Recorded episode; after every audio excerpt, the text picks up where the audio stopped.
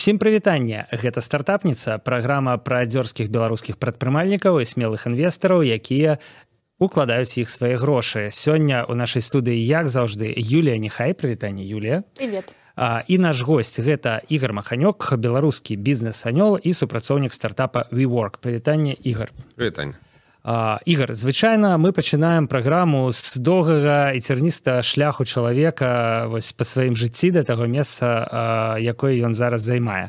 Але мне здаецца што это так сумна і ўсе выключаюцца пакуль мы робім гэта ўсё. Таму давай пачынаць з актуальных нармальных класных пытанняў. Вось напрыклад у якім беларускі стартап ты зараз уклаў грошы у які б уклаў ці які уклаў ну у які уклаў калі гэта не сакрэт дарэчы а ў які бы уклаў таксама вельмі цікава ось сёння размаўляў з вельмі цікавым стартапам які завецца makeML яны ствараюць інструмент для машин learning інжынераў якія могуць дзякуючы makeML значна прасцей зрабіць камп'ютер vision і прабачаюся за такое выкарыстанне ангельскіх тэрмінаў гэта нормально нас звычайна заклікаюць іх тлумачыць Я так разумею што ўжо ідзе нешта накшталт станкабудаўніцтва ў рэальным жыцці але ў свеце стартапаў то бок ёсць стартап які палегчыць іншым распрацоўшчыкам ствараць стартапы. Дакладна. Гэта якраз я, прадаём рыдлёўкі на залатой лихарадцы да. шалёная тэма і гэта сапраўды капіюе рэальнае жыццё але ў нейкім такім абсалютна незвычайным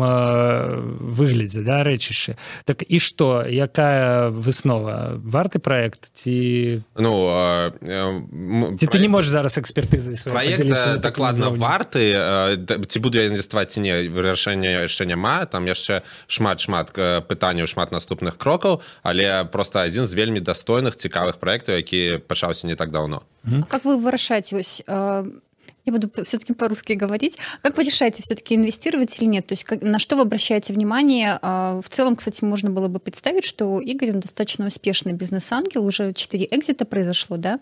На самом деле больше, может, просто я не про все везде написал. А сколько уже произошло? А, ну, я уже не считаю, да? Смешно, да, но я считаю. Ну что, да. А, где-то около 10. О, а сколько всего портфельных инвестиций в портфеле? Около 80. Вау. Это за какой период? За 7 лет. За 7 лет. Мне кажется, что это выдатная статистика, так? Ну, я думаю, да. Это mm-hmm. очень даже хорошая статистика. Это хорошая статистика, Игорь? Да, это хорошая статистика. На самом деле, конечно, детальная статистика, она не в количестве экзитов, mm-hmm. а в, в числе, в mm-hmm. мультиплеерах, в том, сколько денег заработано. И, конечно, экзиты бывают очень разные. И как с мультиплеерами? Но самые интересные стартапы, которые э, я самые хорошие мультиплееры, там мы еще ждем экзита. Mm-hmm. Один из них белорусский, как раз PandaDog, который многие знают. Mm-hmm. Один из первых моих инвестиций. Второй американский Instacart, mm-hmm. который тоже инвестировал уже 7 лет назад. Про него в Беларуси знают меньше. Стартап, который занимается доставкой еды из магазинов домой. Mm-hmm. А какие есть еще белорусские инвестиции? Я знаю про Ападил. Аподил, да. Интересно, что его сейчас стали считать белорусским, но когда я его инвестировал, еще не было у них офиса Панский. в Беларуси. Mm. Да, сейчас у них есть большой офис в Беларуси. Это две мои основные белорусские инвестиции сейчас. Mm-hmm. Ясно. Ну, тем не менее, вот как вы решаете инвестировать в стартапы? Что для вас, например, красные флаги, учитывая, что вы уже достаточно опытный инвестор? Ну, во-первых, э, можно начинать с зеленых флагов, да, за mm-hmm. что, Хорошо. ради чего инвестировать в стартап. Это должен быть а, большой рынок, большая идея. То есть стартапа должен быть а, а, шанс и план, и видение вырасти до как минимум миллиарда долларов, э, миллиарда долларов э, в оценке, миллиард долларов ревеню и так далее. Э, это раз. Второе, у стартапа должна быть очень сильная команда. То есть там должны быть фаундеры, CEO, которые действительно выделяются. То есть выделяются из других фаундеров, выделяются из людей, с которыми я общаюсь, и которые, например, показывают, что они уже что-то добились в этой жизни, даже если это что-то добились, могло быть там на студенческом уровне. И э, дальше, что самое важное, это скорость развития. Я очень люблю стартапы, с которыми я поговорил там э, в понедельник, первого числа. У них была одна стадия, а я говорю с ними через две недели, и они уже космически развили за это время. Вот, потрясающе, когда я вижу, что э, так быстро компания развивается, у них э, идет рост в плане фич, в плане э, ревеню, в плане клиентов, в плане найма. Вот я уже сразу вижу, что вот это будет тот самый космический корабль. Але мне здаецца што такія стартапы і ўвайсці складаней і доля якія яны могуць прапанаваць разумеючы свой патэнцыял і свае тэмпы будзе меншай ці больш дарагой да доля гэта насамрэч апошні момант на які я гляджу тому что калі мы глядзім у стартапы чым адрозніваюцца стартапы адна набыцця напрыклад нерухомасці ці акцыі Microsoft. Там калі мы набываем нешта больш стандартна кансерватыўнае там нам трэба ой тут будзе 10соткаў прыбылі а прыбытку альбо 15 соткаў прыбытку калі мы глядзім на стартап там альбо будзе 0 альбо будзе 30x 100x і калі там будзе вялікі стартап не так ужо істотна па якой па якой коштую па, па якой долі вы мы ўваходзім і канешне бываюць такі старапакі складана зайсці і тут ідзе ўжо іншае як я магу ім даказаць што я буду для іх карысны інвестор і гэта якраз стартап якія самыя важныя самае цікавае тут шмат хто робіць такую аналогію інвеставання з дэйтынгам да? калі а, гэта патрэбна толькі вам а іншым чалавеку гэта не патрэбна то гэта не, не з гэта нічога не атрымаецца але зна, значна цікавей калі гэта патрэбна абодвум ці калі нават ты бачыш што гэты іншы чалавек ці у дадзеным выпадку стартап яны карыстаюцца у іх у іх так усё добра і іх шмат хто хоча ўвайсці. Так цікава. Уваходзіць інвестарам стартап якім які шукаюць любога інвестара і я буду адзіным інвестарам не цікава. Канкурэнтна цікава. Да, да цікава і... заўсёды хадзіць якраз у тыя стартапы якія цяжка ўвайсці. Калі працягнуць аналогію з дэйтынгам так мне здаецца што натуральна у ну з мужчынскага гледзяшча зацікавіць цікавую жанчыну сабой. Нашмат больш цікава тут уже паўтарыў слова цікава чым заляцацца да той якая ну там не цікава, так цікавая толькі табе да не да. ведаю тут нейкі інстынкт паляўнічага прачынаецца ў чалавеку але тым не менш скажите вот э, продолжая эту тему игорь а вот из вашего портфолио из этих 80 компаний вот какого какой вот был вот самой такой симпатичной девушкой, да? То ли за, за все довелось подкатывать, да? А, на самом деле, что интересно, а, один из самых классных стартапов, который я инвестировал, People AI, это стартап, который украинские фаундеры, у них э, а, а, очень такой э, сильный стартап из, э, из долины. При этом, что интересно было, на какой стадии, в какой момент с ними общаться и инвестировать. Я с ними успел пообщаться, инвестировать, когда они еще были таким гадким утенком, как это говорится, да, то есть они были еще малоизвестные, и они еще мало чего добились, и еще они не знали, как убедить инвесторов в своей интересности. И мне повезло, наверное, или у меня как-то получилось увидеть в них хороший потенциал. Это было... Э, и буквально через два месяца после, или через месяц после того, как я инвестировал, они попали в Y Combinator, и, и после этого все увидели, какой у них потенциал, и они с тех пор очень mm-hmm. сильно выросли, получили отличные инвестиции. После Y Combinator получили пару раундов, в том числе от Андерсон Хоровиц, огромной фирмы, а, позже. Это был вот один из таких э, стартапов, который сейчас очень ход, очень э, большой, очень активно развивается. И э, колькі колькі тады стартапаў вы напрыклад праглядалі за тыдзень і ці змянілася гэта зараз да?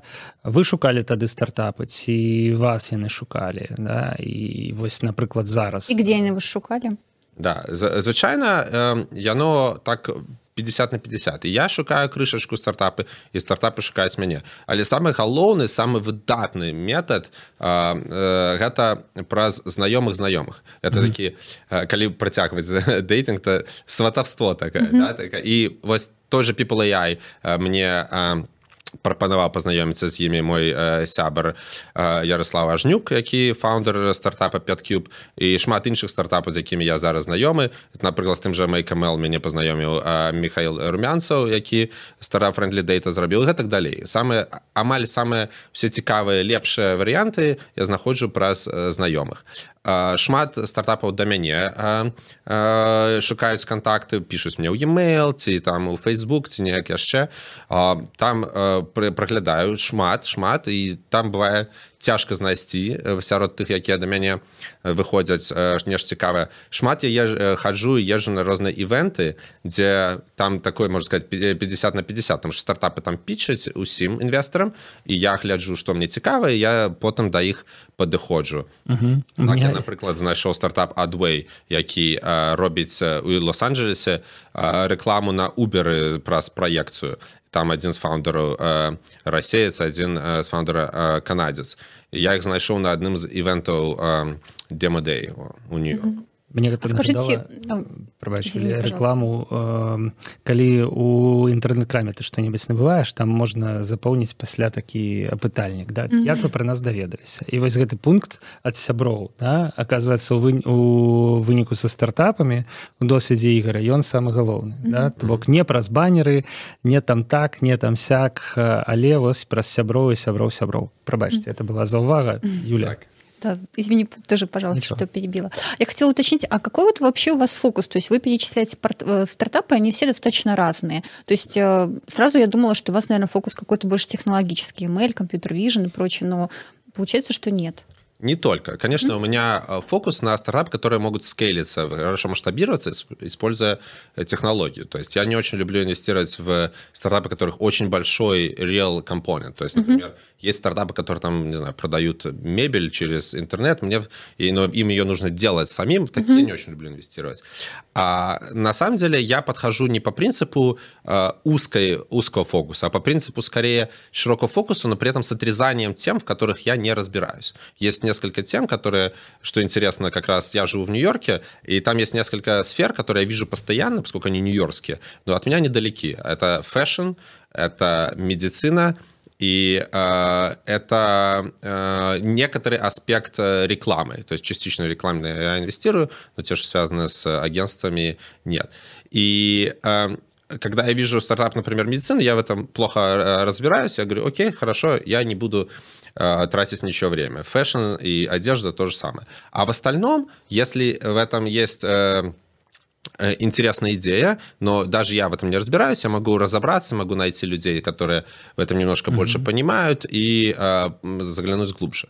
Для меня есть э, понимание, какие бизнес-модели мне нравятся. Вот, например, B2B SaaS subscription – это, в принципе, mm-hmm. бизнес-модель, э, на которой возможно построить стартапы в очень разных областях. Э, и мне стартап, который это бизнес-модели, очень нравится. Я, э, я ценю э, стартапы в последнее время, которые делают консюмерские приложения по подпискам. Тоже бизнес-модель, но нужно, опять же, смотреть, э, какая сфера. Некоторые сферы я, мне хорошо нравятся, я их понимаю, некоторые сферы тяжело, я их не понимаю, я туда не иду. И если упростить это все, то я инвестирую в стартапы, которые я могу хорошо понять, uh-huh. что они делают, я могу действительно проверить, э, и, может быть, даже не я специалист, но и через друзей специалистов проверить. И я действительно верю в команду. Э, я насчет команды, по-моему, самый лучший стартап, который инвестировал, который я не понимаю область, но я понимаю команду, это стартап Zero Avia, который э, делает в Сан-Франциско двигатели на водородном топливе для самолетов. Я ничего не понимаю ни в двигателях, ни в топливе, ни в самолетах. Но я познакомился с фаундером, который э, россиянин, закончил МФТИ, работал в Google, в McKinsey, сейчас э, сделал предыдущий свой стартап, продал. Я с ним поговорил, был blown away, как говорится по-английски. Я понял, что это потрясающий специалист, потрясающий фаундер, и, э, и он действительно это сделает. Э, вот в такой я инвестирую, даже если это не моя область. А есть какой-то неудачный пример? Вот когда вот вам интуиция подсказывала, что не, ну что-то не надо. И все-таки вот а может, ну, 80... интуиция ничего и не подсказывала? Нет, там, где але... интуиция мне подсказывает, что не надо, то я не инвестирую. Угу. У меня нет ни одного случая, где инвестиция говорила, мне не надо, я инвестировал. Но есть, тем конечно, не менее, вот есть, негативный пример. Есть не, неудачный случай, где инвестиция подсказывала, надо, все было хорошо, но не получилось. Один из этих интересных случаев – это стартап, который я инвестировал, наверное, лет 6 назад, а уже года 4 назад он обанкротился. Стартап называл, назывался Bia Sport. Они делали а, фитнес-трекер, э, который называется на запястье, э, ориентированный на женщин. Это было как раз время, когда не было никакого Apple Watch, когда появилось много продуктов Fitbit, Jobon, только появился вот этот вот большой э, тренд, и они сделали интересный поворот. Они сделали э, трекер, ориентированный только на женщин, и они добавили туда SOS-кнопку с GPS который будет ориентирован на то, что женщины могут бегать там по вечерам в парке, и mm-hmm. их там э, друзья, родственники, партнеры будут чувствовать себя уверенно и спокойно. А, они собрали большое количество денег на Кикстартере, где-то миллион или два миллиона. А, с этим питчем пришли к инвесторам, чтобы собрать еще денег. А, я бы инвестировал в них деньги, один из был ангел инвесторов, но у них не получилось. У них не получилось э, сделать хороший продукт.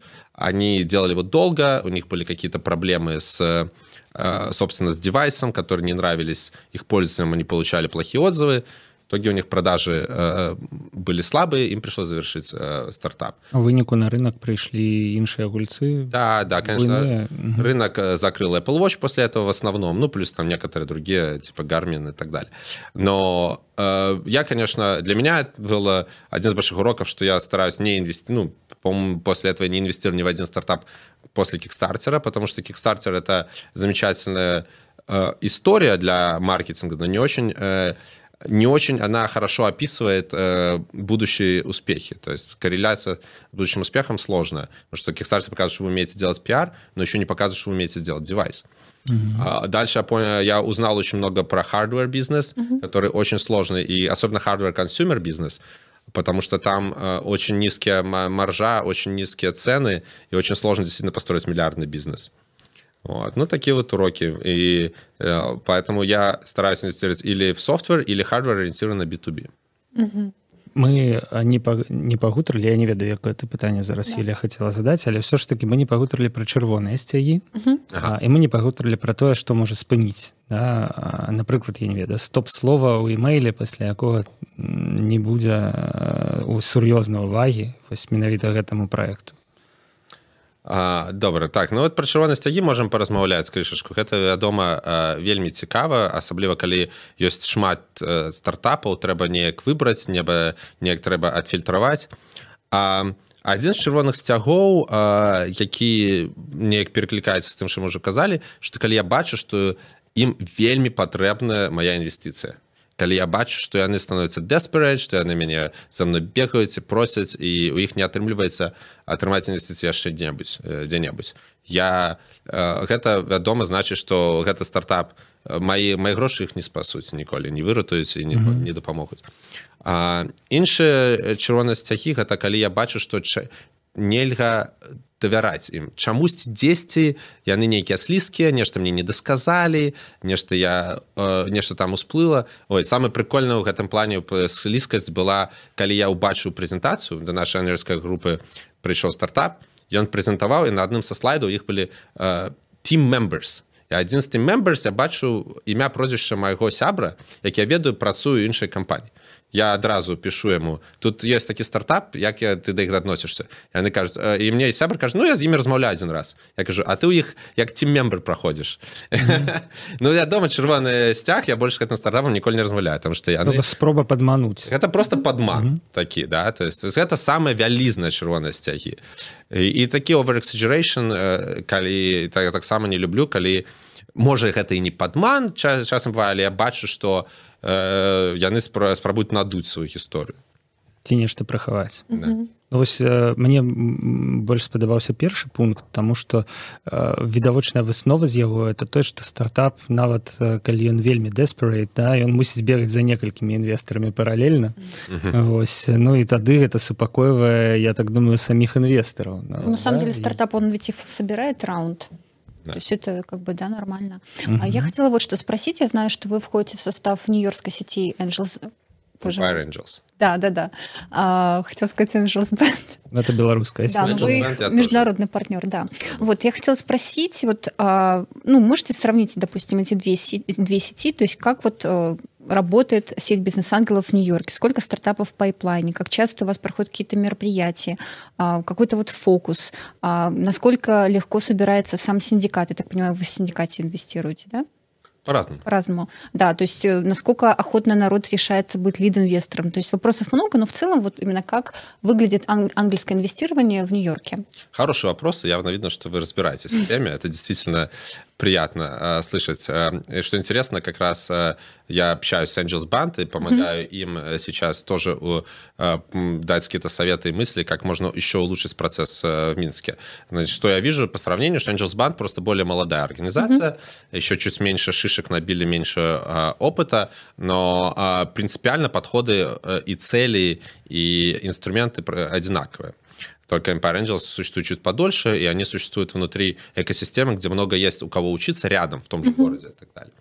Uh, и еще разница большая, что Empire Angels, он объединяет в основном uh, людей, uh, которые, так называемые young professionals, это обычно люди, которым от 20 до 40 лет, которые где-то работают на full-time job, у которых есть какие-то свои деньги на стороне, и они хотят инвестировать в стартапы как дополнительный момент. Mm-hmm. В Angels Band, мое понимание, там очень много людей из э, real business, которые именно бизнесмены. Из real business, я имею в виду, то есть не, не IT-бизнес, которые уже сделали какие-то деньги в Беларуси и ищут, как войти в IT-бизнес. Но это обычно люди уже, которые знают, как построить mm-hmm. бизнес. В этом небольшая разница, которую я вижу. А, хотя в Angels Band тоже есть менеджеры, есть наемные работники тоже.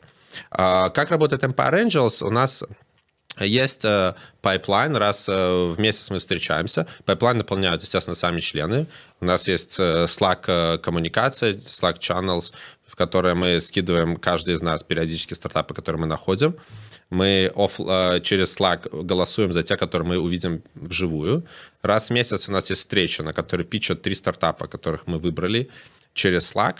Эти три стартапа питчат, мы достаточно долго их э, обсуждаем, то есть у нас где-то 15-20 минут на питч, еще минут 10-15 на э, questions and answers.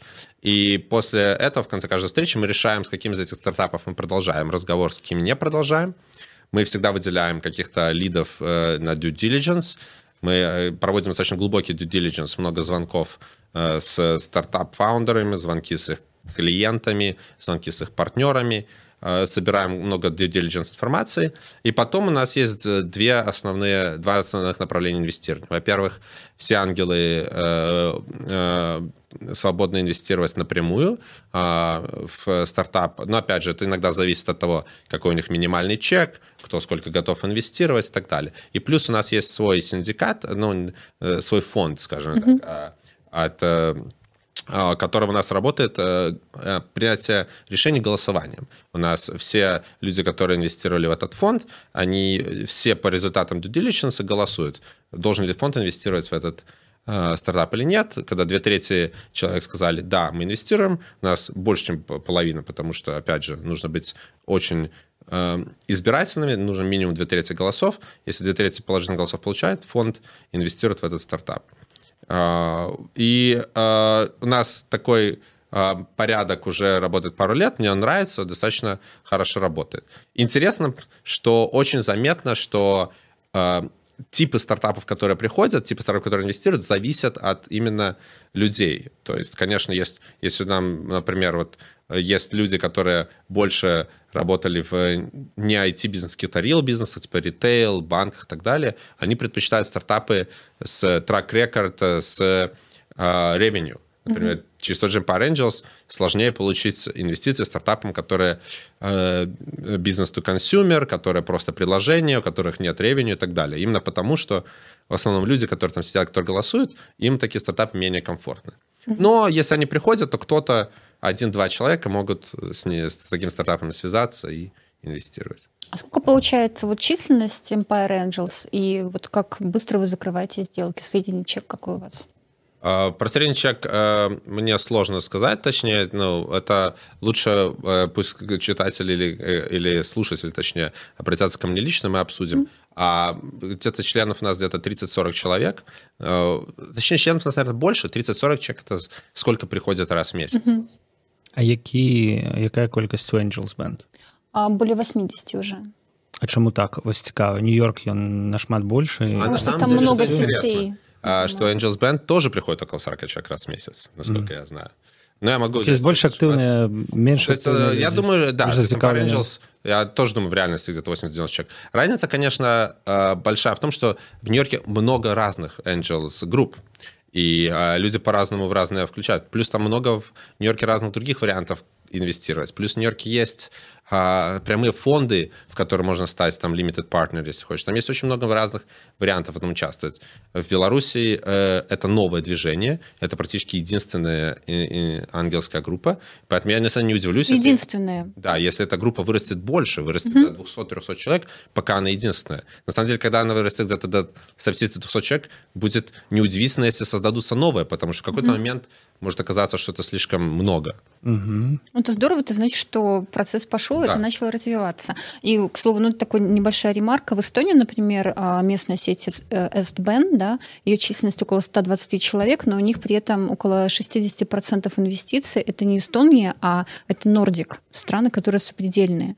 То есть э, вообще подходы и какие-то особенности, они могут быть совершенно разными. Самое главное, это то, что инвесторы, они вкладывают деньги, они помогают стартапам и прочее. А можете еще сказать вот э, средний срок закрытия сделки? То есть вы сказали, что mm-hmm. проводите очень такой глубокий due diligence, насколько это по времени? Обычно это месяц. А, вот так вот. А мне здаецца, што Беларусь яна таксама зацікаўленая ў тым, каб прыцягваць інвестыцыі ў суседніх краінаў.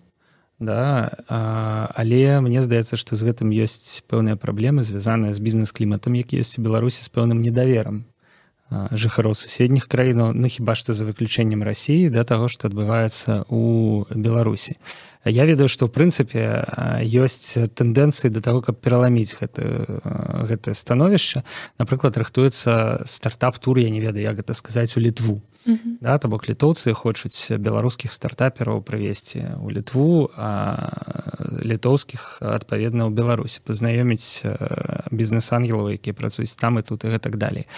А ці ёсць Беларусь як месца для інвеставання у сяродамерыканскіх стартапераў сяродамерыканскіх бізнес-анёлаў? Ці разглядае хто-небудзь увогуле магчымасць інвеставаць сюды? Ці гэта настолькі далёка а ў той жа час даліна настолькі блізка што у просто не мае сэнсу да, глядзець у наш бок таму што можна глядзець туды і углядацца ў даліну бясконца кажуць you hit the nail on the head то есть адказаў за сваё пытанне сам там менавіта так что у ЗША столькі цікавых стартапаў что значна лягчэй знайсці цікавы стартап для інвестыцый просто побач з табой і ёсць вельмі мала але ёсць людзі і ёсць фонды якія шукаюць гэтай э, энгл гэтай маржу які ага мы можа быть інвестуем у э, стартапы з меншых краінаў тому что там менш фондаў тому что там менш valuation можна атрымаць больш долю і потым их неяк дапамагчы ім прыехаць у ЗША але таких анёла таких э, э, фондаў вельмі мала таких тэматычных бо гэта у любым выпадку двухкрокавы проект. Спачатку інвеставаць тут ну найхутчэй да і пасля перавесці гэта стартап на пэўным этапе развіцця ну, туды у чым что дакладна вядома что у беларусі няма другога трэцяга этапа інвеставання. У беларусі ўжо з'яўляюцца нейкія ангельскія групы. У беларусі з'яўляецца першыя інвестарскія фонды тыя ж там хаксус гэтак далей якія могуць інвеставаць у прысід у сід можна нават у серыяс A але няма у беларусі ніводнай групы якая інвестуюць серыяс B B гэта там 10 ці 15 мільёнаў і так далей Усех... таких стартапаў беларусі ну іх няма ну гэта лагічна але як толькі яны з'яўляюцца ім абавязкова патрэбна яшчэ раней быць там у ЗША mm -hmm і ось той же пандадок быў яркі прыклад што яны для амерыканскай это мы их называем беларускім стартапам усе амерыканскія інвестары іх лічаць амерыканскім стартапам там што яны пераехалі сан-францыска іх фаундер вельмі вельмі давно. І вядома яны там могуць знайсці гэтыя фонды які інвестуялі і што самае цікавае тая ж праблема ў больш развітых стартап экасістэму побач у той ж рассеі серез C атрымаць вельмі цяжка. Там ёсць ёсць некалькі варыянтаў але ім цяжка. І ім таксама цікава пераязджаць у ЗША ці ў Англію як мінімум ці ну як мінімум Германію каб знайсці гэтыя фонды А можно такой вопрос? А, я, к слову, Паша, вот с тем, что ты сказал по поводу Литвы, я очень поспорила бы на самом деле. Так, так, так. Но я не хочу уже так вот растекаться. Вопрос у меня такой. А вы, э, как мы уже немножко уточнили, вы являетесь международным партнером Angels Band. Вот расскажите, пожалуйста, вот в чем состоит ваша здесь работа, чем вы помогаете нашей сети бизнес-ангелов, какие возможности, может быть, у стартапов открываются, и в целом, как вы видите стартап, белорусскую стартап-экосистему сейчас, вот учитывая, что у вас есть, э, учитывая, что вы сами отсюда, как бы знаете, с чего начиналось, и а, я вот нашла такое интервью несколько лет назад вы его дали, и там вы сказали, что белорусская экосистема не позволяет развивать стартап от начала до конца. То есть вот изменилось ли что-то сейчас? Ну, я начну с последнего uh-huh. вопроса. Да, это, в принципе, то, что я уже сказал. Да, действительно, до конца, то есть э, до экзита и до IPO здесь действительно невозможно развить. А, то, э, особенно учитывая, что благодаря размерам белорусского рынка все стартапы, которые здесь делаются, делаются международные. Поэтому очень интересно, это большое достоинство Беларуси, потому что здесь люди делают стартапы с большим потолком, потому что они делают международными. По сравнению, например, с многими стартапами, которые я знаю в России, они делаются на российский рынок, потом э, они э, э, делают, может быть, российское IPO, получается там какой-нибудь Авито, mm-hmm. там, да, и и у них потолок получается ниже. Там из всех российских IPO-стартапов, там вот Яндекс успешный, очень большой, а так это очень сложно. Белорусские стартапы могут выйти на IPO, потому что они изначально ориентированы на международный рынок, но им сложно это сделать здесь, именно потому что сложно сделать а, следующий раунд инвестиций, сложно стать э, международной компанией, находясь э, в Беларуси. Но они могут до последнего здесь иметь огромный центр разработки. И на самом деле даже ведь же есть международные компании, которые не отсюда, которые делали здесь центр разработки. Тот же Fitbit, который сделал большой экзит в Google буквально недавно, у них здесь центр разработки. И как у многих белорусских стартапов. А, и это, я думаю, не изменится быстро. Это mm-hmm. может измениться только очень постепенно, если здесь появятся инвестиционные фонды, которые готовы инвестировать 10-15 миллионов в одну компанию и, соответственно, иметь э, сотни миллионов под управлением. И тогда будут следующие этапы, когда здесь... Я, мне сложнее говорить, потому что я не здесь про, про климат э, э, в плане законодательства налогового и так далее. Может ли здесь быть компания, находиться полностью в Беларуси, но при этом быть на американской э, бирже, типа NASDAQ и NICE? Такого никогда не было еще, э, но чтобы это было, должна быть вся легальная система поддерживать это. Это все сложно, но я верю, что это постепенно изменится. Что я вижу уже изменилось, то, что не было несколько лет назад. Это появились бизнес-ангелы, появились самые первые венчурные фонды, которые умеют делать seed. Так что здесь как минимум э, можно сделать шаги, гораздо больше шагов первых, чем их можно было делать раньше. Здесь появились э, э хорошие ивенты, э, конференции, э, менторские ивенты и так далее. Появились первые акселераторы, которые уже могут помочь комп- компаниям выйти на первые э, инвестиции. Конечно, здесь развитие идет, оно идет э, очень хорошо, очень по правильному э, формату. Что здесь всегда было, и сейчас есть, развивается больше и больше, огромное количество людей, которые специалисты в техническом плане, и плюс что появилось замечательно, чего не было еще пять лет назад, появились не технические IT-специалисты, то есть появились продукт-менеджеры, появились маркетологи мирового uh-huh. уровня, которые могут маркетить на США и на другие страны. А, появились э, sales менеджеры появились э, бизнес-девелоперы, которые умеют делать партнерство с американскими международными компаниями. И теперь они работают на, а, на компании э, большие, потом они могут уходить и создавать новые стартапы. Замечательно. Это то, чего не было лет пять назад, сейчас есть. И сейчас я уже вижу стартапы. Если я пять лет назад видел стартапы, где один программист с другим программистом создали этот стартап, то сейчас уже вижу, что есть программист с маркетологом создает стартап. Замечательно. Уже есть разные сферы э, э, знаний, там разные полушария, они могут сделать стартап гораздо более сильный. Думаю, что у нас остался час э, хіба что на одно питание. Ой. Потому э, что, да, вельми хутка, э, вельми шкада. Да. Чем помогать хорошо? Чем помогать Angels Band?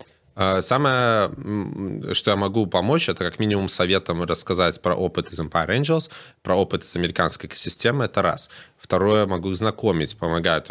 Было в свое время а, Angels Band, некоторые э, ангелы приезжали в США, и я им помогал, знакомил э, с местными инвесторами и с несколькими местными стартапами.